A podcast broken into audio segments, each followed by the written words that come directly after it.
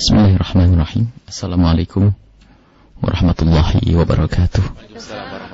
Alhamdulillah wassalatu wassalamu ala rasulillah Sayyidina Muhammad bin Abdullah wa ala alihi wa ashabihi wa mawalah amma ba'd Para pendengar di mana pun anda berada Muti Pengriyat Jika berbicara tentang sebuah jaringan di dalam Islam bahwa jalinan yang dirajut dalam sebuah rumah tangga itu tidak semata-mata urusan syahwat. Ya.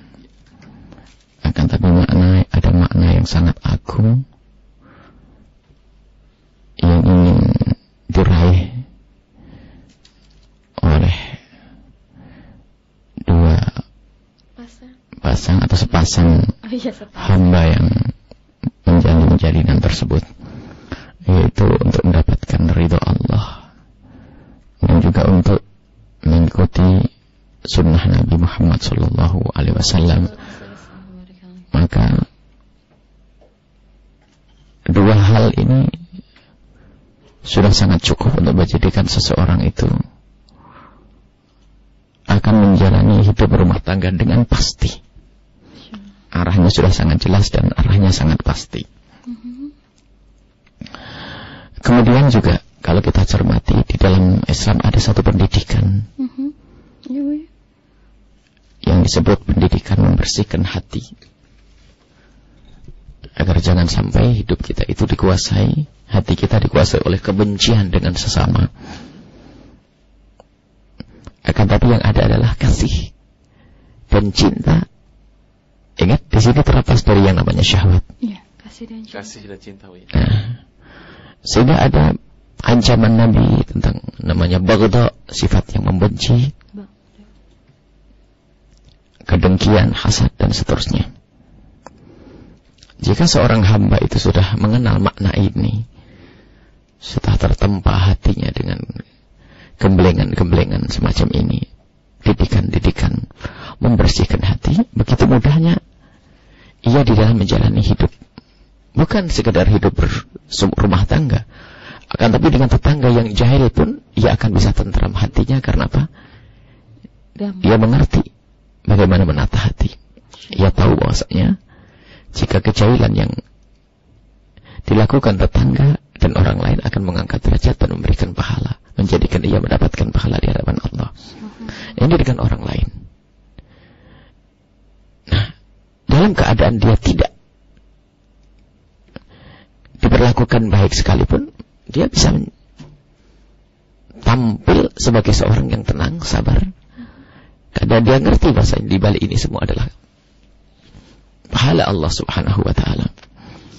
Nah, ini kalau sudah hati tertata semacam ini, maka begitu mudah dalam menjalani hidup, apalagi dalam hidup rumah Rumah tangga. rumah tangga yang hak di dalam rumah tangga lebih banyak daripada hak bertetangga. Kewajiban-kewajiban pun lebih banyak daripada di dalam bertetangga. Nah, kalau sudah seorang hamba itu sudah membiasakan atau melatih hatinya untuk tidak menanamkan kebencian, Hasad. hasad dengki dan seterusnya, kesombongan, maka kira-kira problem apa yang bakal melanda rumah tangga di saat tidak ada cinta? Fine. Tidak ada. Ya. Tidak ada problem. Sehingga ketahuilah bahwa bagi seorang soleh, Mhm. di dalam menjalin rumah tangga tidak harus dengan cinta. Iya. Akan tapi ketahuilah. Sampai dikatakan bahwa jika engkau nikahkan putrimu dengan seorang yang soleh yang kenal Allah, kalau dia tidak mencintainya, mencintai anakmu, Mhm. maka dia tidak akan berbuat zalim. Iya. Ya kan? Iya. Karena dia ngerti berbuat zalim kepada istri adalah haram. Tidak akan tampak muka masa- masam. Tidak akan tampak kalimat-kalimat kotor karena dia ngerti. Ngerti kemuliaan. Jadi kalau dalam Islam, ya, ketentraman batin itu tidak semata-mata urusan syahwat. Mhm. Sehingga mungkin seorang itu tidak ada cinta. Akan tapi tidak akan berbuat zalim. Sehingga tidak akan tampak kezaliman tersebut. Ya, karena dia ngerti ini adalah istri. Apalagi sudah punya anak dan seterusnya dan seterusnya. Jadi tidak ada kebencian kecuali kebencian perilaku. Allah. Kalau misalnya pasangannya adalah melakukan keharaman, tidak melakukan sholat dan seterusnya, kita benci perilaku, bukan benci zat. Karena kita dilarang membenci zat. Kita tidak boleh membenci zat. Ya. Zatnya adalah ciptaan Allah. Maka sungguh beruntung jika Anda mendapatkan pasangan yang kenal Allah. Lihat. Dan Anda pun tidak perlu berkata bahwa saja jangan-jangan kamu tidak mencintaiku. Tidak usah ngomong begitu juga. Karena permasalahannya adalah permasalahan bagaimana seseorang menjalankan kewajiban. Maka mungkin dia mengucapkan kalimat cinta berulang-ulang. Dan itu bukan satu yang bohong cinta karena Allah. Iya. Bukan semata-mata urusan syahwat. Nah inilah pentingnya bagaimana pendidikan di dalam Islam yang namanya tarbiyah atau dunia tasawuf. Nah kalau ada orang katanya masuk dunia tasawuf misalnya. Sama istri masih kejam sama ini. Adik dia tidak kenal makna ini. Udah kan orang lain saja kita tidak boleh membenci. Coba. Jadi terjadi percekcokan di saat lunturnya cinta. Mhm, iya. Ada di saat hati itu kotor. Nah, saat hati kotor. Baik. Sakit hati. Di saat hati itu dengan penyakit kotor tadi, penyakit kebencian tadi. Bukankah dia adalah hamba Allah umat Nabi Muhammad sallallahu alaihi wasallam ya kan? Mungkin tidak ada cinta lagi. Akan tapi apakah tidak diajarkan untuk kita saling mencintai karena Allah? Untuk saling memberi kasih sayang? Ya? Untuk saling menghormati? Terlepas dari namanya cinta syahwat? Kelihatannya ditanyakan itu bukan masalah cinta ini, bukan cinta-cinta karena Allah, cinta syahwat ya. Jadi judulnya adalah cinta syah, Cinta syahwat. Kalau cinta karena Allah nggak boleh pudar sampai kapan pun. Iya. Ini cinta syahwat barangkali mohon maaf karena ber, ber- eh, bersama berjalannya waktu ya, akhirnya pun ikut berubah mulai dari fisik dan seterusnya ya. Sehingga kaki nenek, kaki nenek ya jadi sudah tua. Akan tapi apakah dengan bersama dengan keriputnya kulit dan membungkuknya tubuh dan jalan tertatih-tatih kaburnya pandangan lalu lalu kita buang begitu saja Kabur juga cintanya. oh, Tidak. alangkah hinanya orang Kasihan amat. menjalin cinta bukan karena Allah jadi kalimat cinta pudar adalah di saat itu adalah berbicara tentang urusan syahwat Ya. karena mungkin sudah usia sehingga mungkin melihat pasangannya secara syahwat sudah tidak tidak membangkitkan syahwat mungkin. Akan tapi kita harus tahu di sisi lain bahasanya istri bukan untuk membangkitkan syahwat.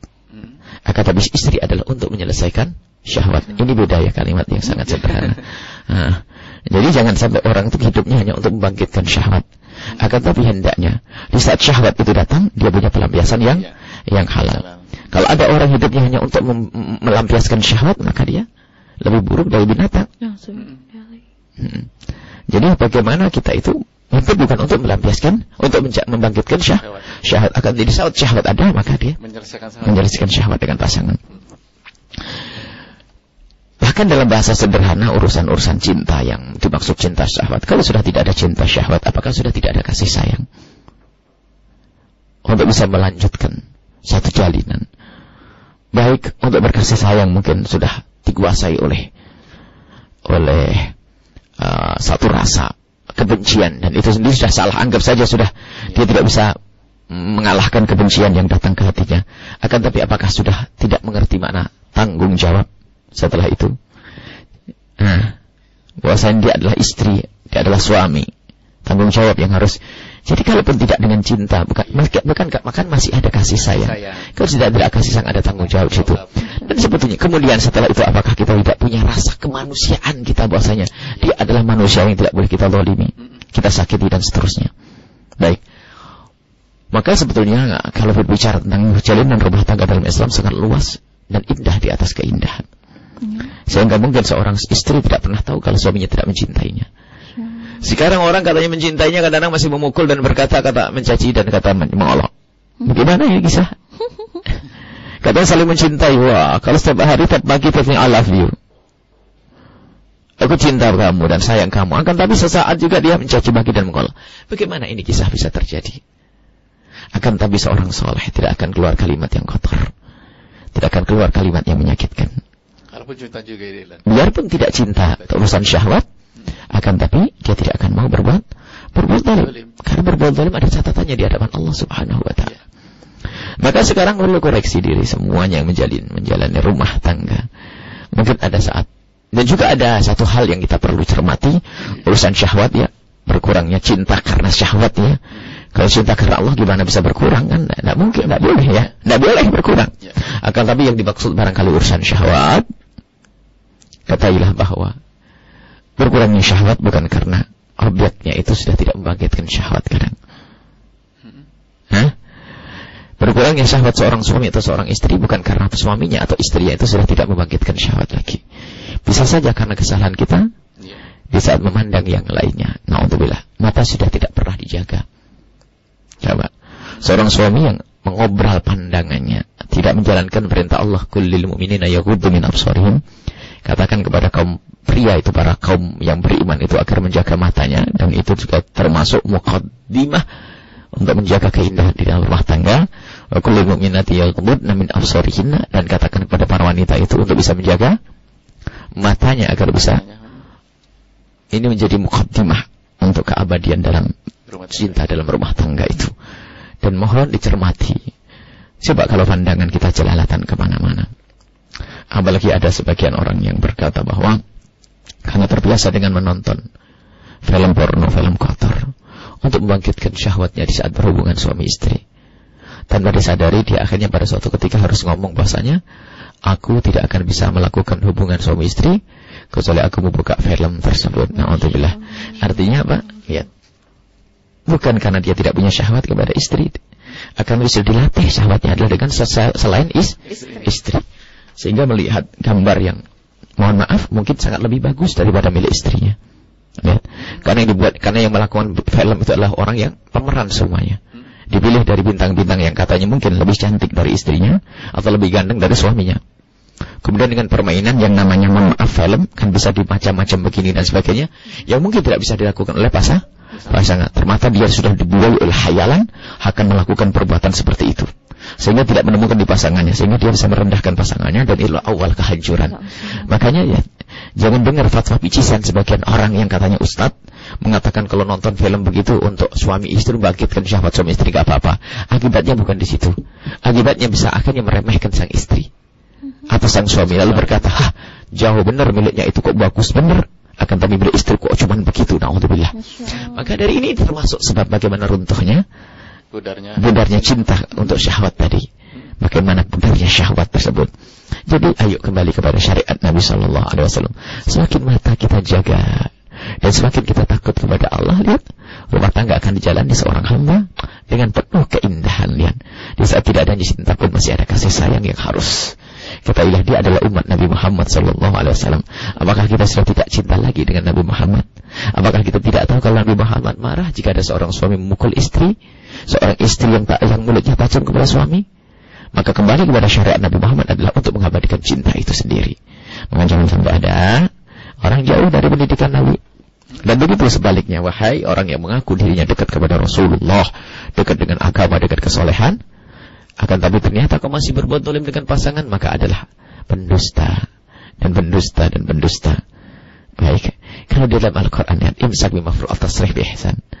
Kalau kita ingin mengambil seorang pasangan, seorang istri, kalau seorang suami atau seorang suami, hendaknya itu semua adalah dengan baik dan baik dan harus baik dalam berjalan rumah tangga. Akan tapi jika tidak bisa, tidak ada alasan untuk berbuat zalim. Akan tapi kalaupun kita melepasnya pun tidak boleh melepas dengan bentuk kezaliman. Akan tapi dengan penuh kasih sayang lihat. Sehingga seorang suami yang harus mencari istrinya karena satu hal, bahkan mungkin si istrinya melakukan pelanggaran yang tidak bisa dimaafkan oleh manusia karena akan menjadikan bukan tidak bisa dimaafkan secara uh, secara mutlak. Akhirnya mungkin kekecewaan seorang suami misalnya naudzubillah dan semoga menjauhkan dari keluarga kita semua dan anak keturunan. Misalnya seorang istri melakukan perzinahan. Yang terlihat di mata seorang suami, Suami. barangkali seorang suami sangat tersakiti hatinya.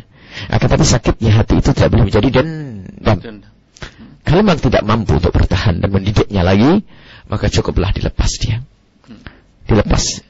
Dan tidak usah diungkit dan tidak usah digugat dengan istilah perselingkuhan dan seterusnya. Cukup dilepas dengan tasrih biasa dengan cara yang baik dan berikan mut'ah. Apa itu mut'ah? Berikan bekal secukupnya untuk dia menikah dengan laki-laki. Ini dia suka. Sehingga dalam Islam sangat indah yang semacam ini. Bukan dicaci maki diolok dasar istri selingkuh pengkhianat penzina ah, ah, ah. tidak begitu Karena ada Kenapa dia adalah juga umat Nabi Muhammad? Mungkin saat dia terpleset dalam zina, akan tapi dia pun harus kembali kepada Allah. Adapun seorang suami yang sudah terlanjur kecewa, mungkin tidak bisa dapatkan dipaksakan urusan demikian ini. Mungkin kalau masih bersamaan, mungkin, mungkin akan menjadi kebencian dan permusuhan. Akan tapi lihat, di saat berpisah pun adalah berpisah dengan kebaikan dan kemuliaan yang ada di dalam Islam.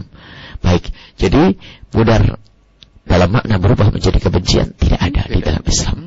Tidak ada alasan untuk merubah jalinan yang semula adalah cinta menjadi benci tidak ada. Bahkan kita harus menjauhkan diri dari sifat membenci kepada kaum kaum muslimin. Kalaupun kita harus benci, ingat membenci pekerjaan yang busuk, bukan membenci zatnya. Ya, Masya Allah. Baik, ini saja insya Allah. Baik Bu ya, terima kasih sebagai pandu yang luar biasa ya Kang Riyad ya. Baik, ternyata kalau hakikat cinta adalah cinta kepada Allah dan juga Rasulnya. Jadi di dalam rumah tangga juga dibawa ya Kang Riyad ya. Dan itu juga ada tahapannya. Kalau memang cintanya udah pudar, yang penting ya, ya ada kasih sayang. Betul. Iya kan? Eh, setelah itu lagi ada rasa tanggung jawab. Betul. Terus ada lagi yang terakhir rasa kemanusiaan. kemanusiaan. Jadi nggak ada namanya benci itu akhirnya memang pudar. buat zolim. Iya betul. Ya, betul. Kok, emang harus pudar benci kebalik ya. Baik terima kasih untuk anda selalu stay di sembilan dua FM Cirebon Kang Riyad ya. Betul. Dan berarti. kita jangan lupa juga nih tak lupa di menyapa media partner kita. Iya. Dan juga Radioku Network, Network ya. ya. Hmm. Silakan Kang Riyad. Ada Radioku 104,8 FM Kuningan. Iya. Radioku 92,4 FM Majalengka, Mhm. ada Big Radioku di 104,7 FM Batam. Terus ada Radio Partner Muti? Ya. Apa kabar juga untuk sahabat-sahabat radioku radio partner kita ya? Iya. Radio Q, Q. 94, FM Bandung, Mhm. Radio Samara di 92.6 FM Tulung Agung, Hmm, ya. Radio MBS FM Gresik Hmm. 107,7 dan 107,9 FM Blitar. Blitar, mhm. Radio Darul Mustafa Lumajang Jawa Timur. Ada sahabat kita di Kepri ya, Kepulauan Iya. Riau. Radio Azab di 103,5 FM Karimun Kepulauan Riau. Mhm. Radio Streaming Alif Lampung, Radio Madinatul Salam 90,9 FM Banjarmasin Kalimantan Selatan. Ya.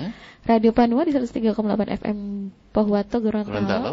dan ada Radio Al Hijro di 101 Kom- hmm, Pontianak Muti Ya, ya. Pontianak ya. Terima kasih sudah merilis sama dua kawasan FM Cirebon ya. Ya. Dan untuk Anda juga terima kasih sudah stay di frekuensi kami serta di audio streaming kami. Iya. Di mana Kang Red? www.wiyayahya.rg, tunein.com, radioonline.com dan juga di, Di inspirasihati.com. Hmm? Tetap ya di sini ya. Betul, betul. Oke, kita bakal break dan bersama Buya kita bakal lanjut di rumahku syurgaku.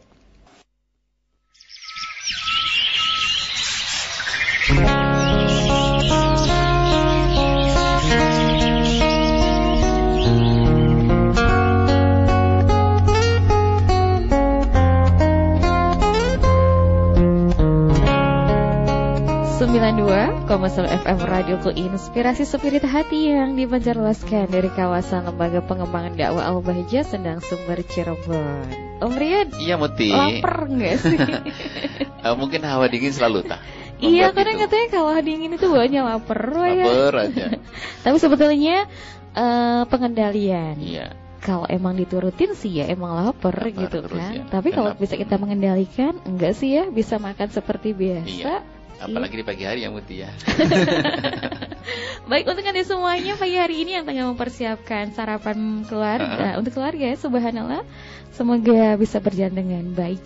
Dan terima kasih untuk anda yang bersama kami di rumahku syurgaku kembali kami informasikan buat anda yang baru saja bergabung di 92,1 FM Cirebon. Pagi hari ini kita bersama Buya Yahya Kang Riyadi ya dengan satu tema ketika cinta Cinta pudar pudar dalam dalam pernikahan. Tanda kutip tadi di awal sudah dikatakan cinta syahwat ya ternyata Kang Riyadi. ternyata ya. Muti Baik, ya. Om Riyad pernah dengar nama Fatih Unru? Belum ya? Beliau itu uh, stand up comedy. Mm-mm. Ada satu hal yang unik ketika beliau harus uh, usia baru tujuh tahun, dia mengatakan gini. Ketika aku ditanya, engkau kenal wajah ayah ibumu? Tidak, gitu kan? Karena ayah uh, wajah ayah ibuku selalu menunduk aja, BBM-an terus gitu, gitu kan ya. Dan akhirnya ketika aku hilang di sebuah mall, aku ditanya oleh Iya. informasi gitu kan ya. eh ciri-ciri orang tuamu seperti apa gitu Uh, kan ya Ketika itu terpisah di Iya. mall ya. ya aku itu aku nggak kenal katanya aku nggak jelas seperti apa orang tua aku itu karena wajahnya juga jarang aku lihat katanya seperti Hmm. itu ya dan ini menjadi fenomenal Fatih Unri itu karena memang beliau eh, sang anak kecil ini banyak Hmm. sekali mensoroti tentang fenomena eh, digital era di digital, gadget saat iya. ini ya bahwasanya kadang suami istri itu miscommunication karena sibuk dengan gadgetnya Iya. nah Berdekatan tapi berjauhan di hati gitu. Iya, karena katanya cinta ini juga menjadi pudar, Hmm. tanda kutip yang harusnya dibina. Mereka lebih cenderung senang dengan eh, teman atau sahabat chattingnya, gitu. Hmm. Seperti yang tadi Bu ya sampaikan, Nauzubillah min dzalik ya. Bahkan untuk urusan suami istri juga harus, Harus, eh, eh, dipancing sama orang lain ya, dulu gitu, stimulusnya kan, lewat hal-hal yang Nauzubillah min dzalik seperti itu. Dan ini menjadi fenomenal Bu ya. Dan kata konon katanya ini juga menjadi pemicu terjadinya Ya, uh, kepudaran. kepudaran dalam Dalam rumah tangga. iya. Nah seperti apa untuk bisa mungkin Memulihkan kembali. memulihkan kembali? Bahwasanya hakikat pernikahan itu nggak sekedar cinta syahwat Hmm. gitu loh bu ya. Tapi bagaimana tumbuh kesadaran? Bahwasanya cinta semata-mata karena Allah semata Allah dan juga Rasulullah. Jadi niatan berumah tangga itu dibangun karena cintanya itu mungkin masih agak apa namanya ya agak rancu bu ya silakan Jadi, ya menumbuhkan kembalinya. ya. Iya menumbuhkan kembali Fenomenal sekali Bu ya Eh, memang di antara 10 poin yang selalu kita yang selalu kami hadirkan di dalam membangun sebuah rumah tangga eh, adalah mendekatkan pasangan kepada Allah Subhanahu wa taala. Ini adalah poin yang amat penting jadi jangan sampai pasangan kita kita ajari untuk sesuatu yang melanggar Allah. Iya Akan tapi ajari pasangan kita untuk selalu dekat kepada Allah dengan diajak sering-sering menghadiri majelis ilmu, dekat kepada ulama, membicarakan tentang akhlak-akhlak yang mulia. Sebagai contoh saja, mohon maaf, Iya jika seorang istri mengajak suaminya rekreasi yang katanya untuk memadu kasih dan cinta, terus pergi ke pantai misalnya. Iya. Ternyata di pantai banyak wanita-wanita yang pakai baju setengah badan, mohon maaf. Banyak kelapa Ya baik. Wanita, kira-kira apa yang terjadi? Mohon maaf. Bukan Seolah-olah suaminya itu dengan istrinya. Akan tapi lihat pandangannya tidak bisa terlepas. terlepas daripada apa yang ada di hadapannya. Betul Sehingga mungkin punya kesimpulan. Kenapa istriku tidak seperti dia? Dan itu kebodohan seorang istri membawa suaminya ke tempat yang yang seperti itu. Sekarang tidak dibawa- dibawa ke tempat seperti itu pun kadang ada godaan-godaan di sepanjang perjalanannya. Iya. Biarpun seorang suami yang memang menjaga matanya, di, menjaga mata itu akan mudah di saat kita bertemu dengan sesuatu yang tidak kita kita datangi, sesuatu yang datang mungkin kita mudah untuk menghindar, Iya. ya kan? Akan tapi kalau kita sendiri datang ke tempat seperti itu, Masya. misalnya, Iya. nah ini artinya seorang istri tidak mengajari untuk semakin dekat kepada Allah. Bahkan mohon maaf, tidak pantas seorang istri menyifati kecantikan seorang wanita di depan sang suami atau sebaliknya. Seorang suami menyanjung kegantengan, ketampanan seseorang di depan istri. Nggak ada perlunya itu semuanya. Karena mungkin karena kebodohan seorang istri bodoh, bodoh, bodoh, bodoh, bodoh, bodoh, dan bodoh. Nah, kadang kita harus didik. Kadang-kadang menyanjung, oh cantiknya, oh, oh, oh. Apa mana? Masya Allah Kenapa kok masih sempat berkomentar tentang kecantikan seseorang di depan seorang suami? Akhirnya suami berpikir, iya juga sih. gitu. Nah, jadi memang dalam komunikasi harus komunikasi orang cerdas. Dan cerdas yang sesungguhnya. Dan cerdas, puncak kecerdasan adalah menjadikan suami atau istrinya semakin hari semakin takut kepada Allah Subhanahu wa taala. Buah daripada rasa takut kepada Allah, lihat ghaddul basar. Matanya akan dijaga, hatinya pun akan dijaga. Tidak akan berpikir yang macam-macam. Pernah suatu ketika terjadi, pernah suatu ketika ada datang pertanyaan dan mungkin para pendengar pun juga pernah terlintas hal-hal yang semacam itu. Pertanyaan, Buya, gimana hukumnya jika saya itu lagi digauli suami saya, lalu saya memba- membayangkan bintang film nyebut bintang film India begitu. Masya Hmm, subhanallah. Lihat, kenapa? Ini kan satu keunikan dan mungkin semacam itu, membayangin, Iya. membayangin orang lain. Karena apa? Karena matanya sudah terfokus ke arah orang Orang lain. lain. Ini kan satu awal kehancuran. Sebelum ditindaklanjuti dengan kebiasaan jelek itu hingga pada akhirnya apa? Suaminya adalah sama dengan dengan benda-benda mati yang ada di kiri kanannya. Istrinya seperti ketebok barangkali seperti itu. Dia tidak punya fungsi untuk membangkitkan syahwatnya, bukan karena dia tidak bisa membangkitkan syahwat karena apa?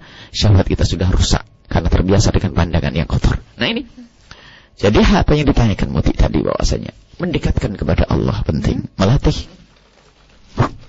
Dan secara otomatis, secara otomatis kalau yang didengar adalah majelis-majelis mulia, lihat rasa takut kepada Allah, tidak akan membayangkan hal-hal yang tidak baik. Mohon maaf termasuk wahai ibu rumah tangga yang katanya soleha, hadir pengajian setiap saat. Di rumahnya kadang mohon maaf ada pembantu yang tidak pernah diperhatikan dadanannya. Masya Allah subhanallah. Jangan mengatakan membantumu adalah jelek hitam. Akan tapi ketahuilah. Urusan membangkitkan syahwat adalah urusan setan dan hawa nafsu. Persokokolan ada setan yang membisikkan kepada seorang. Menggugah hawa nafsu, ketahuilah. Tidak pandang apakah itu jelek, hitam atau apa. Mohon maaf, jika kalimat kami kasar karena kami cinta sekali. Alangkah bodohnya seorang istri jika membiarkan membantunya pakai baju celana pendek di rumahnya. Atau rok pendek di rumahnya. Karena Anda seorang wanita, Anda tidak syahwat dengan dia. Atau tapi suami Anda lihat, yang di saat memberikan makanan, dia tidak berani melihat. Tapi di saat membantunya berpaling ke sana, melirik, tidak ada yang melihat. Melihat subhanallah. Dan itu akan terulang-ulang, terulang-ulang, terulang-ulang.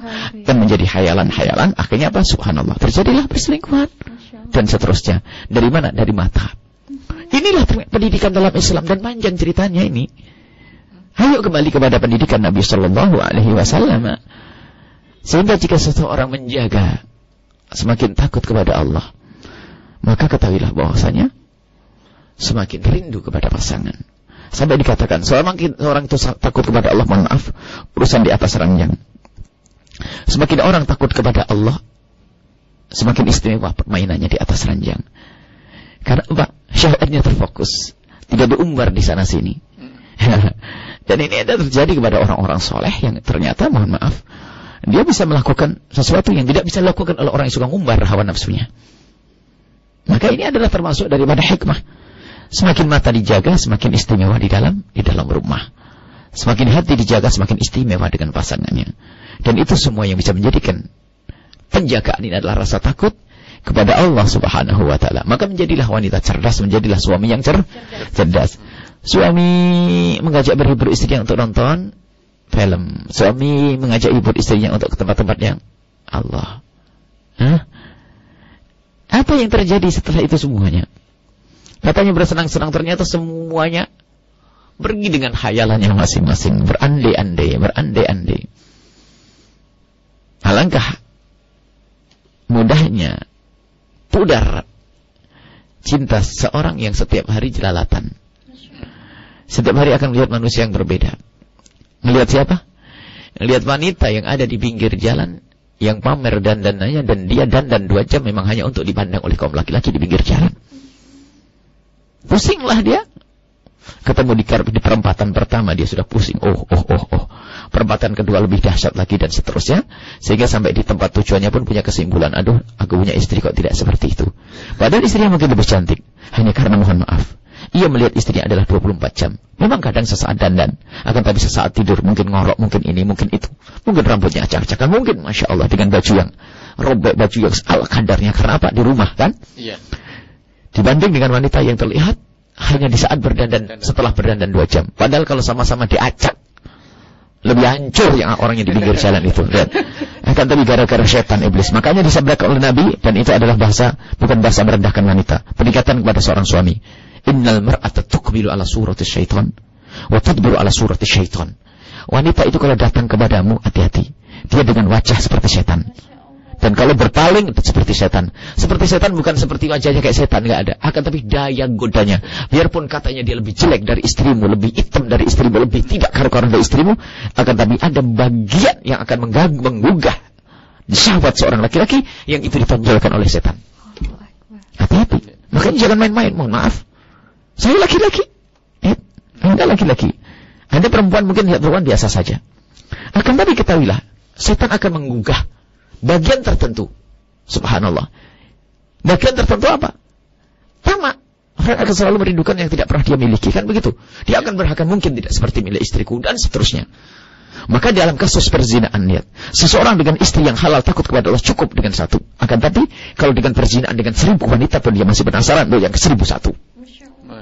Tiada tiada hentinya petualangan dalam dalam syahwat dan hawa nafsu. Dan dia terus akan begitu. Bahkan tidak peduli dengan mungkin berzina dengan anaknya, mungkin berzina dengan ibunya, mungkin berzina dengan orang-orang yang dekat dengannya. Bahkan tidak pernah peduli bahasanya itu adalah istri sahabatnya. Karena apa? Kebusukan syahwat tersebut. Lihat. Tidak akan tidak akan puas dengan sejuta wanita sekalipun. Kenapa? Urusannya adalah urusan hayalan. Seolah dia lebih enak dan itu. Nah ini. Akan tapi kalau sudah matanya menjaga, kata seperti orang yang berpuasa. Makanan apa pun kalau sudah di menjelang buka adalah indah.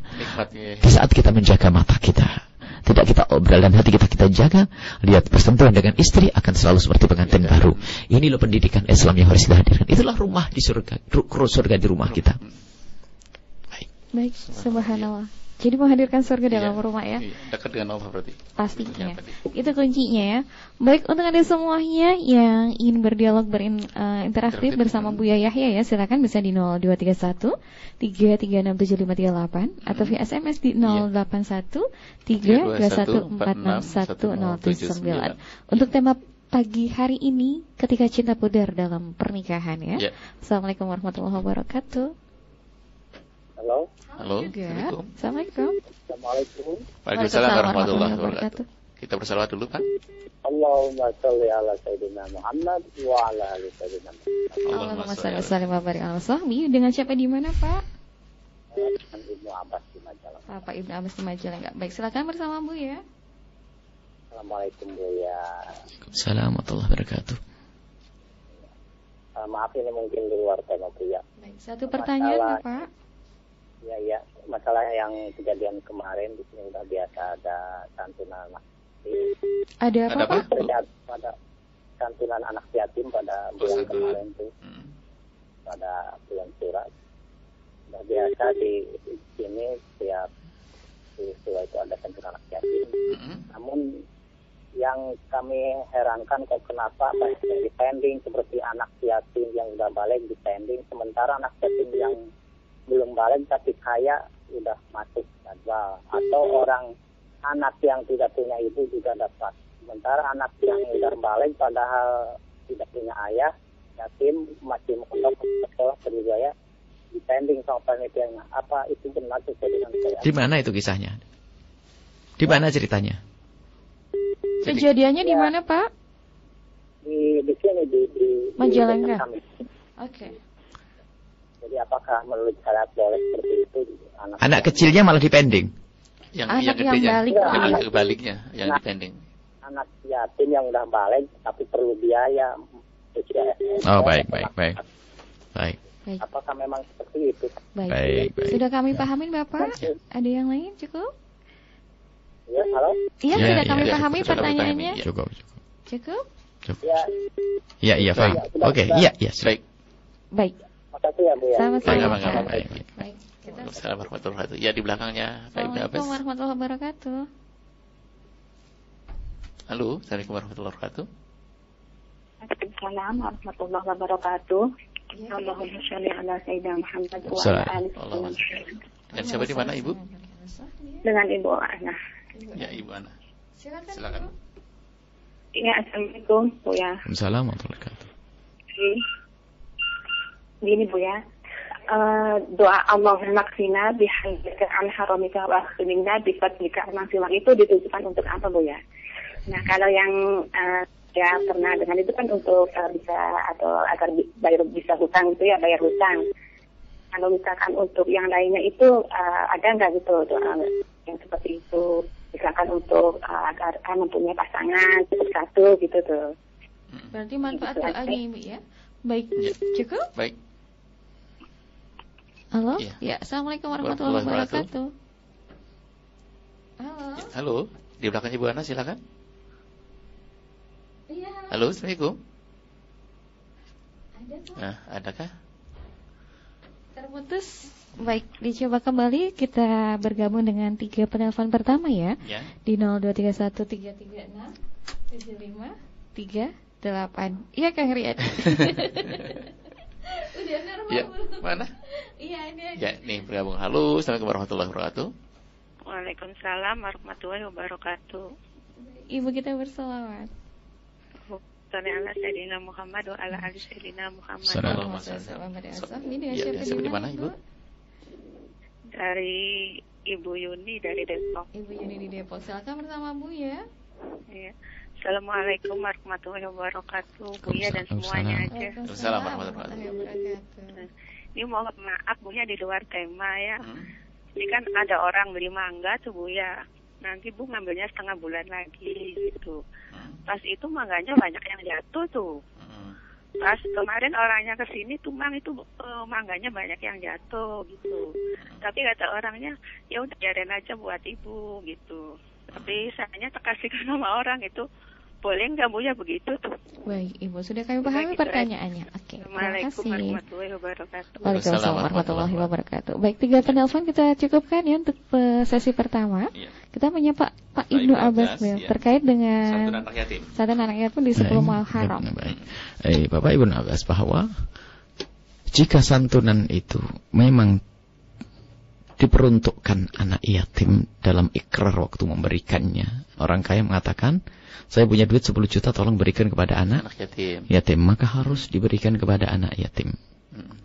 Kecuali ikrarnya tidak seperti itu. Tolong berikan duit 10 juta ini untuk anak yatim dan kaum duafa. Orang yang tidak mampu. Mampu. Hmm. Maka nanti selain anak yatim asalkan dia tidak mampu boleh menerimanya. Sepertinya ini ada tanda kebenaran apa yang dilakukan oleh panitia tersebut. Mungkin uang dananya dananya adanya untuk anaknya anak Iya, ya, yatim. Sementara anak yatim itu adalah semuanya harus sebelum balik. Dan yang meninggal adalah bapaknya. Hmm. Baik. Jadi anak yang meninggal adalah bapaknya, Bapaknya kemudian dia fakir, eh, kemudian dia pada belum ba, belum belum balik. Hmm. Maka selagi belum balik maka itu anak yatim. Jika yang gede dipending barangkali memang uang yang ada adalah hanya untuk anak Iya. yatim baru nanti akan dicarikan dana sumbangan untuk kaum duafa, duafa orang fakir. Iya. Jadi betul dan hati-hati memang orang yang ngurusi anak yatim jangan hanya sekarang manajemennya manajemen bagi duit tidak. Kalau bukan anak yatim misalnya, maka tidak boleh mengambil haknya anak Anak yatim. anak yatim, khusus. Karena sudah tidak punya bapak ya. Atau dia tidak bisa mandiri karena belum balik. Belum balik. Tapi kalau sudah balik, dia bukan sebagai anak yatim. Maka bisa diambilkan dari dana untuk kaum duafa. Maka paling enak kalau kita mengambil dari seseorang supaya diperluas ikrarnya. Kalau memang akan dibagi kepada selain anak yatim juga. Misalnya di sebuah panti asuhan kan tidak semuanya anak yatim. Anak yatim betul. Akan tapi anak yatim yang sudah balik. Iya. Secara majas ya, ma, ya dibari ma, makan dahulu lah, dahulu yatim. Bisa saja seperti itu. Akan tapi hakikatnya selagi sudah balik bukan, lagi Bukan ya lagi anak yatim. yatim. Tapi karena dana yang masuk tadi adalah dana untuk anak yatim dan orang lemah, orang fakir, maka siap diberikan dari dana tersebut. Termasuk yang menyumbang ke pondok Al-Bahjah sendiri, kalau hanya spesial anak yatim, kita tidak akan terima, kami arahkan ke tempat yatim yang lain. Hmm. Akan tapi biasanya harus kita uh, ambil ikrar bahwasanya yang lebih umum untuk anak yatim dan dan anak lemah atau untuk anak pondok begitu. Iya. Paling enak anak pondok. Jadi semuanya makan. Jadi lebih luas Bu ya. Lebih ya? luas maknanya. Baik. Baik. Jadi betul, para- insya Allah panitia itu maksudnya benar untuk milah Ya. antara yatim dan bukan ya Bukan yatim. yatim. Tapi tetap nanti jangan sampai sudah terlanjur datang gara-gara sudah dewasa nggak dapat apa-apa. Harus carikan dari dana untuk kaum duafa, kaum lemah, orang fakir. Ini saja Allah alam. Cukup, Iya. terima kasih Bu. Kita ke Ibu Ana Bu ya. Doa bayar hutang. Tadi capek. Itu memang itu ada hadis Nabi Shallallahu Alaihi Wasallam ceritanya ada orang punya utang. Maka Nabi mengajarkan untuk membaca banyak-banyak Allah makfini bihalalika an haramika wa aghnini bi fadlika amman siwak. Ya Allah cukupkan aku dengan yang halal darimu. Aghnini bi fadli wa aghnina wa aghnini bi fadlika amman siwak dan kayakan aku atau wa aghnina. Kayakan aku dengan karuniamu ya Allah sehingga aku tidak butuh kepada selainmu. Jadi membaca doa ini adalah menjadi sebab orang dibuka Rezeki. rezekinya untuk bayar utang. Dan juga untuk yang lainnya. Termasuk pengen menikah dan sebagainya. Karena apa? Ya Allah ikfini bi halalik. Ya Allah cukupkan kami dengan yang halal darimu. Iya. Sehingga jangan sampai kami urusan dengan yang haram. Zina adalah ha? Haram. Suami istri adalah Halal. halal. Maka sering membaca ini juga menjadi sebab dijauhkan oleh Allah dari ini semuanya. Dan masih banyak doa-doa. Dan semuanya doa dari Nabi adalah ada hikmah. Membaca sholawat yang banyak pun juga menjadi sebab itu semuanya. Cuma Nabi pernah dalam riwayat Allah makfini bihalalikan haramik memang spesial untuk orang punya utang. Tapi bisa digunakan untuk yang lainnya memperbanyak doa ini ya Allah. Sambil dihadirkan ya Allah cukupkan mata kami dengan yang halal yaitu suami. Agar kami tidak melihat yang haram. Cukupkan syahwat kami ini adalah dengan yang halal darimu. Tidak sampai yang melakukan yang haram. Seperti itu. Maknanya lebih luas Bu ya. Maknanya lebih luas. Dan sesuai dengan niat seorang hamba di saat memanjatkan doa tersebut. Sesuai dengan niatnya Bu ya. Ya. Baik cukup untuk Ibu Ana. Terima kasih dan kita ke Ibu Yuni di Depok di luar Iya. tema ekonomi syariah harusnya ya. Jual beli mangga Bu Iya, ya. biasanya borongan Baik Bu ya. sebetulnya kalau barangkali ibu ju- jual beli mangga. Ketahuilah bahasanya jika jual beli mangga seperti itu hendaknya tetap dan harus pertama sudah mangga itu sudah tampak tumbuh. Iya. buahnya. Kalau masih bunga tidak boleh. Hmm. Menjual mangga yang masih bunga tidak bo Tidak boleh. boleh. Akan tapi jual yang sudah Sudah ada sudah buahnya. butuh wisolah itu artinya apa? Bisa dipa Panen, iya. panen. Akhirnya kalau sudah dipanen, lah kok yang membeli itu kok nggak mau memanen ini bukan salahnya menjual. Iya. Ibu sudah bisa dipanen loh ya. Oh ya nanti aja biar. Fotonya kena ini. Ya salahnya dia. Ya kan? Iya. Salahnya dia. Kena angin jatuh gitu. Angin-angin jatuh. Kemudian dia berkata yang jatuh buat ibu sajalah. Ya alhamdulillah. Alhamdulillah. Eh, Diizinkan ya. Hmm. Baik, ah, tapi kapan mangga itu boleh jual? Bukan di saat bunga. Bunga. Akan tapi di saat boleh sudah tampak buahnya bisa dimanfaatkan. Iya. Jadi kalau sudah tampaknya bisa dimanfaatkan, maka saat itu jual beli itu bo Boleh. boleh. Baik. Baik. Baik, cukup untuk eh, Ibu Yuni yang di Depok. Baik, Bu, ya, terima kasih dan untuk Anda terima kasih juga yang tergabung via SMS. Setelah break nanti ya, kita Mari bakal kita sapa Bu ya. sapa dan tetap stay di Semen 2, Komasam FM Cirebon, inspirasi spirit hati.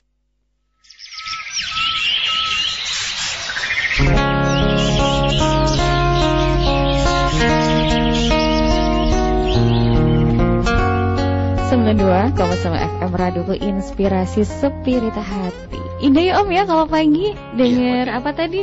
Suara burung. Suara burung. Aku ya, rumahku kan deket dengan Jambon ya. Apa sih Jambon itu jati kebun. banyak jati di samping rumah gitu. Banyak burung. Oh, subhanallah. Jadi udah berkicau kalau pagi-pagi indah banget. Tapi kadang keindahan itu nggak dirasa kalau suasana hatinya galau Kalau ya. mm, Iya, punya pasangan nyebelin gitu. Ini menarik karena cinta tadi yang seperti disampaikan oleh Buya itu sejatinya karena Allah SWT dan bertahap Om Riyad ya. Ada Betul. cinta, kasih sayang, Kasih sayang. kerjasama, mm, kemanusiaan ya. kemanusiaan. Nah, kalaupun tadi cintanya udah nggak ada, kasih sayangnya juga, sisi kemanusiaan itu yang harus disa- di, eh, Sisi tanggung jawab seorang iya. suami. Iya. Eh, suami itu sudah berupaya mencari nafkah berjuang. Istri juga sudah sangat luar biasa melahirkan anak-anak, mendidik, menata rumah tangga. Kayaknya memang betul yang sampaikan Bu ya, sisi manusianya nggak ada kalau sampai akhirnya gara-gara fisik yang berubah gitu kan ya. Akhirnya pudar segala-galanya. pudar segala-galanya dan mengambil satu tindakan cerai gitu. Nah, Eh, hasil survei itu dari 20 50 ribu tahun 2012 ya sekarang Hmm. sudah mencapai 50 ribu mencapai sekarang 2000 ser- 212 ribu jadi naiknya hampir 300 persen jadi justru kenaikan berarti. kenaikan Hmm. perceraian itu Dan kemarin juga untuk apa namanya eh, surat kabar lokal iya perceraian tertinggi untuk Jawa Barat di Indramayu. masya Allah Iya. ya Eh, untuk wilayahnya ya. Iya untuk wilayahnya di Indramayu. Warga Indramayu apa kabar? Semoga kesempatan pagi hari ini menjadi Mudah-mudahan ya pembelajaran. pembelajaran ya. bagi kita. Iya. Eh, eh, karena ini ratingnya sangat tinggi, mudah-mudahan Iya. akhirnya bisa terjaga. Insya Nah, Allah. ini ada sisi-sisi lain di balik memang eh, cinta, eh, pudarnya cinta barangkali Bu ya. Kan ada yang lain lagi kasih sayang. Betul. Ada lagi Itu tanggung yang jawab. harus ditonjolkan, ditumbuhkan, Itu, eh, gitu ya. ditumbuhkan. dan rasa kemanusiaan yang terakhir. Betul. Itu indah Indah, ya, gitu ya. subhanallah. Baik, yang namanya kecanggihan teknologi atau Iya. apa pun gak ngaruh. Jangan ngaruh. Iya. Iya. Jangan pisahkan eh, apa? keluarga gara-gara Iya, teknologi ya Bu ya. subhanallah. Jadi, Baik, eh, jadi justru dibaliknya. siap Hmm. Om Rian. Saatnya kita menyapa sahabat-sahabat Baik, kita eh. SMS ya Kang Rian ya. Baik, ada sahabat kita di 092 Assalam eh 183 Assalamualaikum warahmatullahi wabarakatuh. Waalaikumsalam warahmatullahi wabarakatuh. Allahumma shalli sayyidina Muhammad wa ala sayyidina ala Muhammad.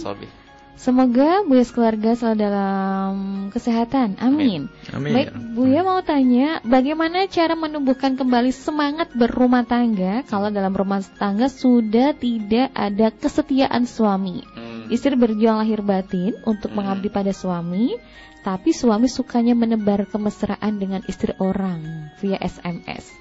SMS-nya mesra-mesra pakai sayang-sayangan dan seterusnya. Dan itu tidak hanya pada satu wanita. Kalau diingetin, suami jawabnya nggak usah dipikirin, ini dunianya laki-laki. Awalnya si istri tidak pernah buka handphone suami, tapi kan ada perubahan sikap suami dan HP selalu disembunyikan membuat tanda tanya istri. Nah, mohon tipsnya Bu ya agar hati tetap istiqomah mengabdi meski suami terus-terusan menyakiti. Ada sahabat kita di Cirebon. Ya. Baik, subhanallah ya. Dunia laki-laki gitu Bu ya. Eh, dunia laki-laki yang tidak kenal Allah, tidak kenal agama, itu kan menyakiti. Bahkan jangan kau dengan yang haram, mohon maaf. Dengan yang halal sekalipun, seandainya seorang suami mempunyai istri dua, Mhm. tidak boleh pamer ke ke kemesraan kepada pasangannya. Pasangan yang yang lain. Ingat indahnya ya. Mhm. I- Apalagi yang haram, gak Ya. akan kebayang bagi orang yang beriman ini. Ya Allah. Gimana ini semuanya? Mungkin ya, jangan salahkan suami dulu. Ibu pernah tidak ngajak ke pengajian? Pernah dikenalkan kemuliaan? Atau dan seterusnya. Atau mungkin dia tuh suami jadi begitu juga karena istri yang punya peran dalam mengenalkan kepada itu semuanya. Jadi kembali kepada kebenaran, kembali kepada jalan Allah itu penting semuanya. Jadi mungkin saja seorang suami jelalatan karena pernah diajari oleh sang sang istri tidak sadar, terlalu percaya, tapi kepercayaan tidak dibarengi dengan bimbingan kepada Allah. Allah. Akhirnya di saat seperti itu menjadi menjadi tidak indah, menyakiti seorang suami menyakiti. Atau mungkin mohon maaf, seorang istri punya kesalahan terlebih dahulu yang belum dijelaskan sehingga menjadi dendam dan tidak ada di dalam Islam itu dendam balas-balasan nggak ada. Suami begitu lalu istri balas begini tidak ada. Akan tapi lihat semuanya diselesaikan. Akan tapi jika ternyata seorang suami melakukan satu tindak keharaman, kefasikan, dosa besar, mohon- mohon maaf ya, haram dengan wanita yang haram, ya seorang istri harus mengambil ketegasan. Ya. Kalau haram, sekarang dilanjutkan atau tidak karena urusan ha, haram. Kalau halal misalnya suami menikah lagi hati-hati perlahan harus dengan perlahan harus di, di- di- kita bisa mencoba. Kalau tidak memang diperkenankan dalam Islam seorang istri-istri misalnya jika tidak mampu untuk bisa minta di dicerai karena apa? Urusan hati yang tidak bisa di di, di, dialami oleh yang tidak yang urusan hati Ya, bisa dirasakan orang lain. Bu, bisa ya. jadi tidak bisa dia dipukul rata, tidak bisa Ya. sama. Mungkin cintanya sangat luar biasa, merasa Ya. sangat tersakiti sehingga terbebani sehingga minta pisah pun bukan karena dia benci, akan tapi karena apa? Ingin menghindar dari rasa sakit. Berhak dia untuk menjaga hatinya agar tidak sakit. Tapi kalau yang haram, tapi ini haram dan naudzubillah sampai suami ngomong ini adalah dunia laki-laki. Memang dunia laki-laki dunia apa sih? Sama dengan dunia wanita, dunianya harus dunia dibangun takut kepada Allah Subhanahu wa taala. Bagaimana menumbuhkan kecintaan? Ketahuilah, menumbuhkan kecintaan beda loh ya ini. Anda bukan punya suami yang suka memukul Anda. Kalau Anda mempunyai seorang suami yang menyakiti Anda dengan pukulan fisik atau kalimat yang kotor, maka ketahuilah jika Anda bersabar, maka ketahuilah itu kemuliaan bagi Anda Kebaikan, ya. kebaikan. Akan tapi jika suami melakukan keharaman dengan yang di luar, dengan pengakuannya dan seterusnya, termasuk SMS sendiri kan awal mukaddimah zina itu. Ya. Kalau yang demikian Anda tidak boleh ridho. Karena ini keharaman. Haram harus dihentikan. Maka jangan sampai Anda pengen tetap mesra, enjoy, asik di saat suami melakukan keharaman. Itu adalah mungkin di balik itu adalah karena Anda menginginkan harta atau apa. Tapi kalau karena Allah akan tegas, tidak wahai suamiku. Yang mempertemukan kita adalah Allah dan karena Allah. Jika engkau tetap seperti itu, baik. Ayo kita jelaskan nih. Hubungan kita itu seperti apa. Tidak boleh ada saling menyakiti, tidak. Tidak saya demikian. Kalau pertanyaan tadi bagaimana saya tetap bisa apa tadi? Bisa istiqomah. Menjalin sementara suami oh, tidak dong benahi dulu dong suami harus benar nggak boleh suami melakukan keharaman sampai naudzubillah ada seorang istri ya lebih rela suaminya berzina Mhm. Hmm.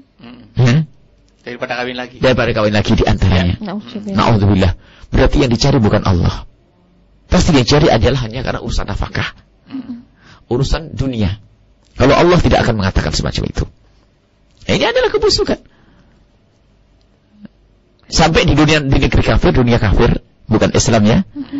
Demi agar suaminya itu tidak tidak ini kisah di Jepang sana. Iya. Jadi agar suaminya tidak ini sampai seorang suami diberikan apa? Di Jepang itu pernah ngetren itu ada berita yang kami baca kesungguhannya adalah kita kembalikan kepada yang buat berita tentunya. Ada boneka Boneka. boneka hidup boneka sek bahasanya itu boneka sek gitu. Jadi memang itu. Jadi seorang ibu tuh kadang-kadang pergi ke supermarket untuk membelanjakan alat itu. Alat itu. Subhanallah. Artinya kenapa kau tidak mencoba agar suaminya terus bagaimana bisa mencari kepuasan dengan dengan dirinya. Jadi kadang-kadang semacam itu seorang istri yang ngajari tidak baik. Akan tapi kalau sudah pelanggaran syariat wahai para istri kita harus buat ketegasan demi suami agar kembali ke jalan yang benar. Tapi kalau suami bertobat jangan diungkit masa lalunya. Mungkin ada suami pernah kepleset, seorang istri pernah kepleset karena dia manusia, kemudian ikrar untuk tobat lalu terima. Baru saat ini ingat kalau sudah dia ikrar untuk tobat baru Anda bertanya, gimana untuk mengembalikan? Kok saya marah sekali, sakit sekali. Baik, ingat bahwasanya at-taibu minadzambi kama Allah pun lu membuka pintu lebar-lebar untuk ia minta ampun. Bagaimana kita tidak memaafkan? Apakah kita lebih hebat dari Allah? Hmm, kita tata hati kita. Pasangan kita adalah manusia yang bisa bersalah. Ya. Maka di saat itu baru benar kita menata. Tapi kalau pelanggaran syariat tidak sholat, tidak ini kok kita masih ingin menata hati kita. Dengan tentramnya seorang istri di saat suaminya melakukan dosa gede, maka itu adalah tidak tentram. Karena yang dicari bukan bukan Allah. Yang dicari adalah karena apa? Karena siapa yang ngasih makan saya? Siapa yang ngasih? Nah, naudzubillah. Baik, itu saja Allah alam bisawab. Baik, terima kasih Bu ya dan untuk Anda inter interaktif bersama Bu ya via telepon silakan kami buka kembali line telepon kami ya di 02313367538 untuk kesempatan pagi hari ini dengan tema ketika cinta pudar dalam pernikahan ya. Ya. Kang Rian sibuk sekali nampaknya ya. Kita sampai interview via telepon. Assalamualaikum warahmatullahi wabarakatuh. Waalaikumsalam warahmatullahi wabarakatuh. Baik, kita bersalawat, Ibu. Allahumma. Allahumma sholli sama barik ala wasahmi dengan siapa di mana? Dengan Sri. Dengan Sri. Di mana? Ya. Ibu Sri di? Di Plumbon. Di Plumbon, baik. Ibu silakan langsung ya. bersama Bu ya. Assalamualaikum warahmatullahi wabarakatuh Bu ya. Assalamualaikum warahmatullahi wabarakatuh. yang yang ingin saya tanyakan ya. Bagaimana cara menyadarkan dan menyadarkan siapa? suami. Suami? Yang sibuk dengan HP-nya dengan segudang sosmednya sehingga dengan keluarga sibuk pun, dengan handphone dan sosmed? Ya ya sehingga dengan keluarga pun jarang berkomunikasi bahkan jika dia sedang di luar pun susah sekali untuk dihubungi, untuk ditelepon, untuk di SMS itu tidak pernah diangkat, tidak pernah dibalas gitu. Iya. Yeah. Saya sering merasa kesal Bu ya, padahal saya ini saling mengabdi pada suami.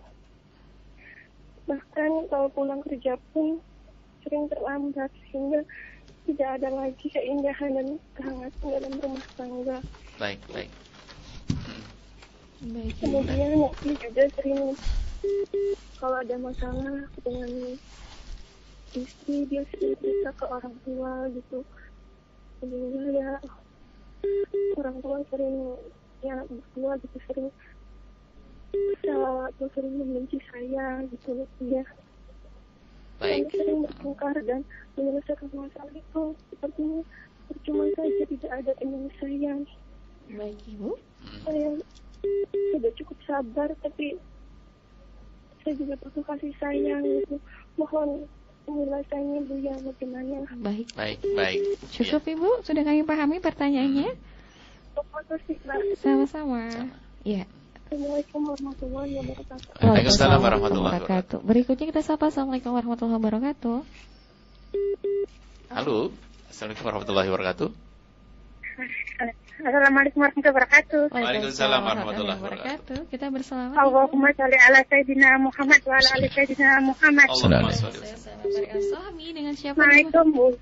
Dengan Ibu Yayah di tengah tani. Ibu Yayah di tengah tani. Silakan langsung bersama Bu Ibu Yayah. Ya, alhamdulillah mah itu. Iya, iya, iya. Bu ya. Ah, ini mau nanya, suami saya kan jualan entok tuh Bu ya. Jualan apa? Entok. Entok. Entok. Iya buat pedesan. Pedesan, ya. Jadi kalau misalkan hmm? Ya. kalau ada orang Iya. Gimana? Iya, ya, silakan, silakan lanjut. ya, ah, kalau misalkan ada orang beli ditanyain ini buat motong atau buat nernak. Kalau ditanya buat motong berarti kan itu bulunya dicabutin tuh Bu ya. Buat bikin bulu tangkis tuh Bu ya, koknya tuh ya. Hmm. Terus kalau hasil itu kan dijual uangnya dapatnya sebulan sekali. Itu dikasihin sama sama istri sama mertua. Maaf uangnya Alangnya ya Bu ya. Sebentar, mau dijual entok. Eh, bulu entoknya Bu ya. Kan gini Iya. Bu ya. Eh, iya, Eh, dia jualan entok. Eh, Hmm. terus kan Ya dijual. ada- Ya entok terus kan kalau ada orang beli kan ditanyain Iya. mau diternak atau Atau mau dipotong. dipotong, Kalau ah. dipotong bulunya dicabutin. diambilin dulu bulunya. Terus dijual. Karena kan laku dijual. Heeh, Iya, iya, Iya. gitu aja Bu ya, maaf kayaknya Paham, soalnya. paham. Paham, paham Bu. Iya Bu, paham Bu, iya. Makasih ya Iya, Bu ya. enggak? Sama-sama. Makasih. Monggo. Waalaikumsalam warahmatullahi wabarakatuh. Satu pun telepon lagi kita Iya kan? Iya, halo, Assalamualaikum warahmatullahi wabarakatuh. Waalaikumsalam warahmatullahi wabarakatuh. Baik, kita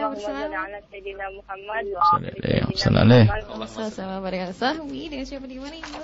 Ini Kang Lihat mau nanya tapi di luar tema. Iya, satu Ini pertanyaan. tuh ada suami, suami kan ini nyewa di tanah. Suami kenapa? Terus di tanah itu sama yang eh, yang menyewa ke suami itu disewain lagi ke orang Nyewain lain. tanah, nyewain tanah, disewain. Yang seperti itu dibolehkan nggak Bu ya? Oh, Oleh syariat. sewa disewain lagi tanah. Iya. Baik. Iya, jadi ada yang nyewa ke suami terusan si Iya. penyewa itu disewain lagi ke orang Mm-mm. lain. Iya. Eh, nanti bergabungnya hari Selasa pagi ya, Ibu. Ekonomi syariah. Terima baik, baik. Iya. Waalaikumsalam Waalaikumsalam warahmatullahi wabarakatuh. Kita cukupkan ke penelpon kita menuju Ibu Sri yang ada di mana Kang Rian? Plumbon ya. Mbak. Suami eh Iya. apa ya namanya? Iya sibuk biar. Seperti tadi kata Bu ya. Suka dengan handphone, Handphone. sosmednya hingga Hmm. lupa sama Keluarga keluarganya. ditelepon juga susah, kadang-kadang Iya. dihubungin, di SMS Diingetin malah marah. Eh, Kadang juga eh, sering curhat sama orang tuanya. Iya. Akhirnya sering bentrok juga dengan mertua gitu Bu ya. Gimana Baik, tuh? subhanallah. Eh, memang ilmu itu perlu ya. Jadi orang menjalani hidup itu tidak boleh tidak cukup dengan ngarang. Akan tapi kalau dengan bimbingan itu akan lebih mudah. Masalah mm, sosmed, sos, Sosial media. sosial media atau yang namanya HP dan lain sebagainya sudah kita bahas pada pertemuan yang lalu dan cukup mengganggu memang. Kalau seandainya suami anda itu dengar pengajian kita pada minggu yang lalu kayaknya ada sedikit perubahan lah paling tidak. Ya permasalahannya adalah orang tidak punya ilmu. Sehingga menjalani hidupnya adalah apa yang ia temui akan ia tiru, ia ikut-ikutan dan seterusnya. Sehingga bagaimana yang namanya HP kok lebih indah daripada istri ini kan unik ya bagi sebagian orang. Dan juga pernah kami contohkan, kita di bandara nunggu. Pesawatnya di cancel, satu jam setengah di cancel. Di hadapan kita ada suami istri. Satu jam setengah tidak ada omongan. Blas. Innalillah. Kok bisa kok betahnya begitu tuh. Sibuk dengan masing-masing. Bu. Padahal kita tuh dalam dalam dunia kemesraan selalu ngajari jadilah orang yang usil gitu loh dengan Iya. pasangan tuh. Ada aja yang dikerjain untuk goda pasangan yang indah itu. Ini diem. La Allah ilallah. Nah ini loh. Ini kebodohan. Akan tapi namanya orang bodoh dia akan terlalu terus tenggelam dalam kebodohannya. Kapan bisa selesai dan sembuh? Kalau suami Anda Anda bawa ke tempat yang belajar ngaji bareng-bareng untuk membangun keindahan dalam rumah tangga. Kalau diingatkan dia merasa lebih senang. Apaan sih urusan? Ini urusan saya sendiri kan begitu. Dia lupa bahwasanya istri adalah urusan lebih penting daripada hidupnya. Makanya saya kembalikan ke ayo kita semuanya belajar bareng ngaji bareng. Sekarang pun kalau seandainya suami Anda tidak dengar apa perubahan yang bisa terjadi. Tidak, makanya bawa suami Anda untuk bisa belajar bareng, untuk bisa mendengar petuahan dari ulama. Jangan sampai hidup itu dijalani dengan dengan ya kalau bahasa orangnya gimana sajalah. Oh tidak, harus kita arahkan. Kalau bahasanya ikuti air mengalir, itu bahasa apa itu? Bagaimana kita harus kita alirkan yang yang jelas buat aliran yang benar dong. Ke arah ke pohon sana biar subur pohon ini ke arah ke situ kan kita membuat satu Ada bendungan dialirkan ke tempat Ya lain. gitu harus ada. Tidak boleh hanya sekedar menjalani hidup ya kan. ya. Ada orang awam. Sampai ada suatu ketika ada orang ya Allah menjalani hidup itu betul-betul berat sekali. Ya. Istrinya yang ketiga hidup yang tidak jelas, belanja seenaknya. Suaminya hanya kerja, tok dan seterusnya. Sehingga nggak mengerti memadu kasih. Sampai ada yang pergi bertahun-tahun tidak ketemu. Ngirim duit, ngirim duit, ngirim duit, ngirim duit. Duit Mana kemesraan? Tidak ada itu semuanya. Itu kan kebodohan-kebodohan yang kadang tidak disadari oleh sebagian orang. Maka dari itu, ibu yang tadi merasa berduka karena suaminya semacam itu, yuk kita buat pendekatan. Mungkin bisa dibawa, kita bisa ngobrol bareng. Kalau Anda sampaikan kepada kami, jangan di depan kami nanti langsung ngomong, Bu ya, suami saya begini loh ya. Tidak usah. Kalau seandainya nanti bisa ketemu bareng, kita akan sampaikan bagaimana kemesraan dibangun, keindahan itu dijalin kembali. Itu adalah dengan cara saling memperhatikan dan sebagainya. Itu perlu saling namanya saling memperhatikan. Ini kan harus dibangun perlahan demi perlahan. Dan jika Anda menuntut kepada seorang suami untuk seperti ini, susah karena belum punya ilmunya. Dia menganggap bahasanya keindahannya adalah dengan dengan HP-nya. Lalu bagaimana? Ayo, bawa ke tempat mulia. Bisa dengar bareng-bareng yang semacam ini. Sampai kapan? Sampai dia sadar nanti. Dan ini harus ada upaya. Jadi hati seorang suami bukan bukan bukan seperti remote. Sesuatu yang bisa diremot. Strek mati, ini hidup, itu enggak. Maka, tapi harus dilatih dilatih dengan dengan kebaikan. Mungkin ya kalau mendengar, suruh suruh berpikir. Orang-orang yang sibuk dengan HP. Allah. Makanya kami pun juga banyak menghindar HP di saat kami ada tamu. HP pribadi ditinggal. Bagaimana subhanallah kadang kita lebih ngomong serius dengan orang. HP berbunyi. Tiba-tiba harus kita putus ngomong dengan orang lain. Kadang lama sampai lupa karena begitu asiknya. Sehingga orang di depan kita bengong saja Allah subhanallah. Tidak ada waktu-waktu untuk kita telepon untuk ini. Ini memperhatikan orang kawan itu penting, apalagi is istri. istri. Sebetulnya Pak istilah sederhana yang selalu kita sebut jika kamu dicubit sakit maka jangan menyubit. Kalau dicuekin begitu nggak enak maka jangan nyuekin lah itu ya. Dan ini perlu pembelajaran yang penanya perlu belajar ayo bawa suami anda untuk bisa ngaji bersama kumpul bersama kemuliaan ya dengar-dengar acara ini terus rutin dan rutin dan rutin, maka akan ketemu judulnya. Maka kami ingatkan kepada semua. Yang mendengarkan acara ini kok tidak dengan pasangan kayaknya rugi benar nih. Harusnya setel besar-besar radionya. Akhirnya kalau tidak bareng-bareng dengan pasangan maunya ngeritik itu. Ya Allah pasanganku kenapa begitu, kenapa begitu. Karena Pak, pasangannya tidak pernah ngaji, tidak pernah belajar. Itu saja. Belajar ilmu dan perlu ilmu. Ilmu akan yang membangun. Ilmu yang mem menghantarkan kita. Ilmu yang membimbing kita. Tanpa ilmu tidak bisa. Maka suami anda pun harus belajar. Allah alam bersabab. Bismillah, Semoga ada solusi yang terbaik Bu ya. ya. Iya. Nah kalau solusi, beliau minta solusi tadi. Mm -mm. Kalau solusi anda ingatkan, kalau memang anda bisa mengingatkan dengan cara yang baik, abang. Apa kekidan? Dari hati ke hati anda ngomong dengan dengan pelan. Assalamualaikum abang, mohon maaf dan mohon maaf. Katakan bahasanya, kalau saya sangat mencintai abang. Katakan. Sehingga saya merasa indah kalau saya bisa ngobrol dengan abang. Akan tapi kenapa abang kok tidak pernah merasa rindu untuk ngobrol dengan saya? Yuk kita bangun seperti apa? Apakah abang sudah nggak cinta? Kenapa? Enggak, saya cinta kok. Nah, dia ngomong gitu. Ada benih kan? Iya. Tinggal kita pupuk akan tapi abang cuek. Saya lebih senang kalau kita daripada nonton sinetron, buat sinetron sendiri deh. daripada ngomongin kan, gitu kan ya. Apakah saya sudah dimengerti berapa abang? Jadi ada obrolan-obrolan yang sifatnya khusus dan sangat khusus iya. dalam irama bermanja-manja ria dengan pasangan. Ini perlu. Baik. Jangan langsung nunggu abang tuh kok begitu terus sih. Lalu tersinggung, apaan sih? Bisa begitu. Baik, harus punya waktu khusus untuk mendiskusikan tentang problem. Dan kaidah, jika ada problem dalam, dalam rumah tangga, jangan dibiarkan menumpuk yang akan menjadi bom waktu. Bermasalah nanti pada akhirnya. Masalah kecil segera selesaikan. Dengan cara yang sangat baik. Dan bahasa penyelesaian tidak dengan bahasa menuntut. Siapa pun yang, dan bukan dengan bahasa menuduh. Menuduh. Bukan bahasa menuntut dan, menuduh. dan bukan bahasa menu, hmm. menuduh. Jadi kayak terdakwa ya. Nah, itu kalau orang uh, kalau orang dituduh dia akan mengelak, tapi kalau ditanya akan menjawab. Ini sudah kaidah dalam komunikasi. Baik. Baik, silakan. Berarti nanti bikin statusnya langsung aja ya, nggak ditulis tapi di lisan ya. Kamu cantik hari ini gitu ya. ya. Baik. Sahabat kita yang berikutnya jual entok Bu ya. ya. Biasa jual entok ya. Ya, sebentar Dicabutnya waktu hidup atau mati sih? Hidup bu ya berarti. Ya haram lah, sakit lah nyeksa iya, binatang. Berarti masih hidup kan berarti kan? Tidak barangkali setelah disembelih lalu dicubut bulunya, nah. ya boleh-boleh saja itu. Tapi kan kalau orang beli di pasar nggak mungkin dipotong di situ kan bu ya dibawa pulang dulu baru dipotong kan? Oh, hmm. oh gitu kan? Iya kan? Ya kita mau beli entok kan? Intinya begini, pulang, kan? ibu. Hmm. Kalau misalnya dicabut setelah disembelih, ya, sebab ya gak ada masalah iya. karena itu sudah diberikan. Anda kan minta izin, misalnya saya cabuti. Rem ridho setelah disembelih. Tapi kalau mencabut waktu itu kan zalim kepada binatang. Iya. Janganlah zalim kepada binatang. Tapi binatang nggak apa-apa. Main binatang nggak bisa bilang sakit-sakit nggak bisa. Hanya kau kau begitu. Zalim, zalim nggak boleh itu. Tidak diperkenankan mencabut. Apalagi bulunya semua dihabisin bundel gitu. Astagfirullah ya. Bulunya berbulu tangkisnya aja. Uh, sementara menyembelih pundaknya kita dengan pisau yang tajam supaya tidak tersakiti itu binatang. Baik, akan tapi kalau memang misalnya anda ada tempat penyembelihan, hmm. Anda tinggal ngomong, bulunya saya ambil loh ya, oke, okay, halal. Tapi kalau mencabut di waktu hidup itu adalah zalim. Jangan biasakan suami Anda untuk berbuat zalim. Kecuali dipotong tanpa harus apa? Tanpa harus menyakiti. Tanpa iya. harus ada yang dicabut. Iya. Dipotong enggak apa-apa. Kayak rambut yang dipotong itu. Dikurangi gitu kan kepanjangannya. Sakit itu. Satu bulu rambut saja satu dicabut sakit apalagi bulu yang yang gedenya ya. Yang gede itu Allah Akbar. Ya. Baik. Berarti masuk bapak haram karena berbuat zalim kepada binatang. binatang. Baik. Ya. Baik, cukup Bu ya. Terima kasih untuk Ibu Yaya yang di tengah tani ya. Kita ke Ibu yang ada di mana ini tidak disebutkan namanya Kang Riyad ya.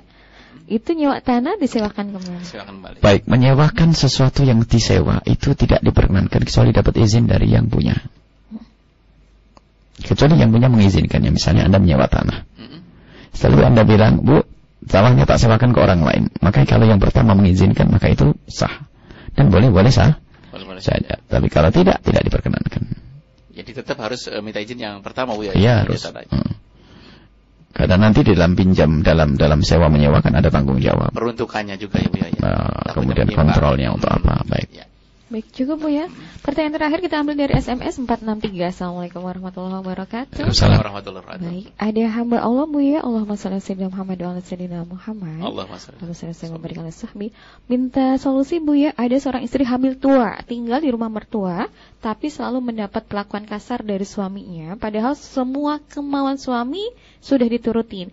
Kalau tidak diturutin, ancaman bakal diceraikan. Segala omongan kasar keluar semua. Setiap mau tidur, istri selalu memijat, tapi di saat istri meminta gantian dipijit, bagian telapak kakinya saja karena baal ya suami marah, bilang memeras tenaga aja. Terus suami usir istri sana pulang ke rumah orang tua, orang tua saja, belepotan ke rumah orang tua saja, gitu ya. Ya, bilang kalau habis lahiran pasti saya cerai. Jadi apa yang harus saya lakukan? Subhanallah. Allah. Tadi juga ada pertanyaan sebelumnya tadi, suami gampang cerita kepada ibunya sendiri Ketahuilah wahai, nah ini kan permasalahannya lagi-lagi pada ilmu. Kami selalu mengingatkan kepada semua orang yang menjalin pernikahan. Jika kamu punya masalah, jangan gampang cerita kepada orang tuamu. Orang tuamu.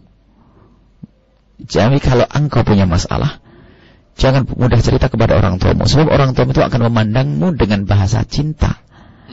Sehingga apa yang kau adukan kepada orang tua akan dipegangi tiba-tiba langsung benci kepada pasanganmu. Sehingga eh, repot. Sementara menantu itu paling malu kalau di, disalahkan sama mertua. kalau urusan dengan mertua. Oh enggak beri masalah saja kita kadang-kadang ngomong sama mertua itu berat. Iya. Apalagi kok mertuanya marah? Marah. Marah. Jadi dalam keadaan normal saja ada sungkan loh ya dengan mertua itu. Hah?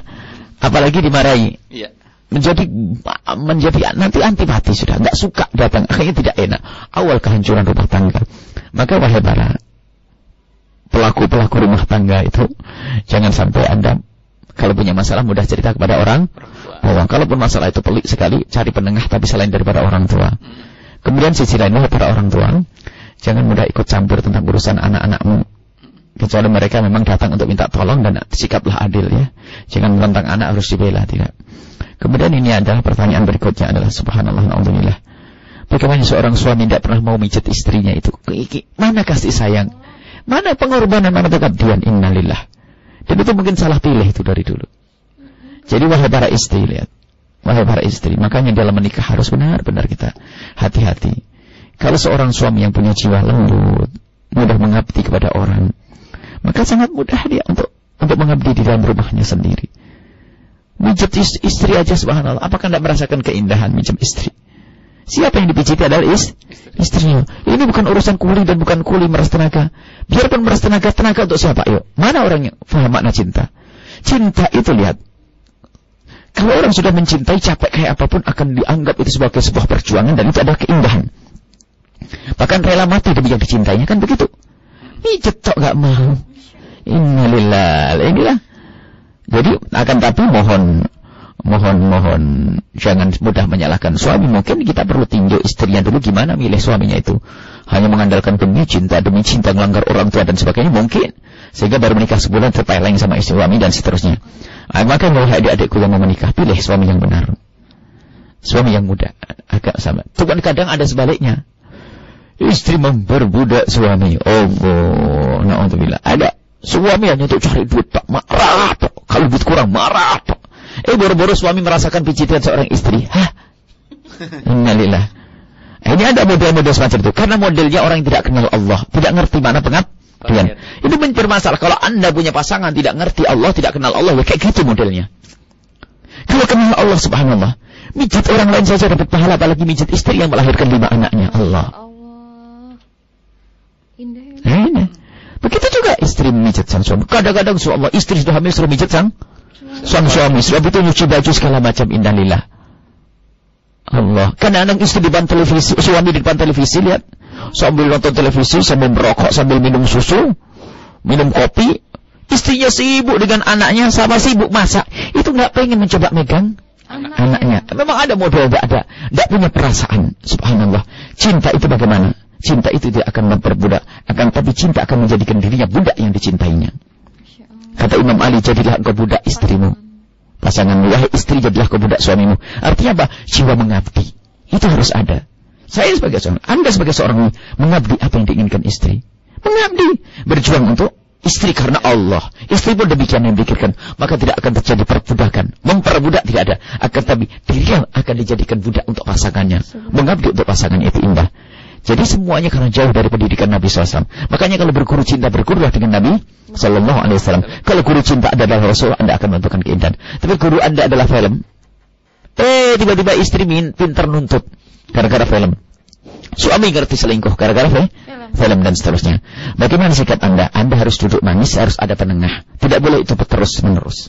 Kedoliman semacam itu. Anda duduk manis, harus ada penengah yang menjelaskan kepada seorang suami ngomong kasar. Mana keindahan? Dan kami yakin, suami pun tidak menemukan keindahan. Kenapa? Dia biasa ngomong kasar. Jadi apa yang diinginkan? Dari sebuah jalinan itu kalau bukan keindahan yang sesungguhnya. Allah. Baik. Jadi, ketahuilah bagi seorang istri, langkah Anda apa? Anda harus, Anda berarti Anda tidak bisa bicara dengan dia. Karena modelnya adalah orang yang keras nih. Ya. Akan tapi harus ada penengah yang menjelaskannya. Dan semua diukur dengan kemampuan Anda. Apalagi dia berbuat dolim dan seterusnya. Kalau berbuat dolim, betul Seorang istri yang didolimi oleh seorang suami, maka kalau dia bersabar adalah sebuah kemuliaan. Akan tapi jika tidak mampu, maka dia berhak untuk memilih pisah.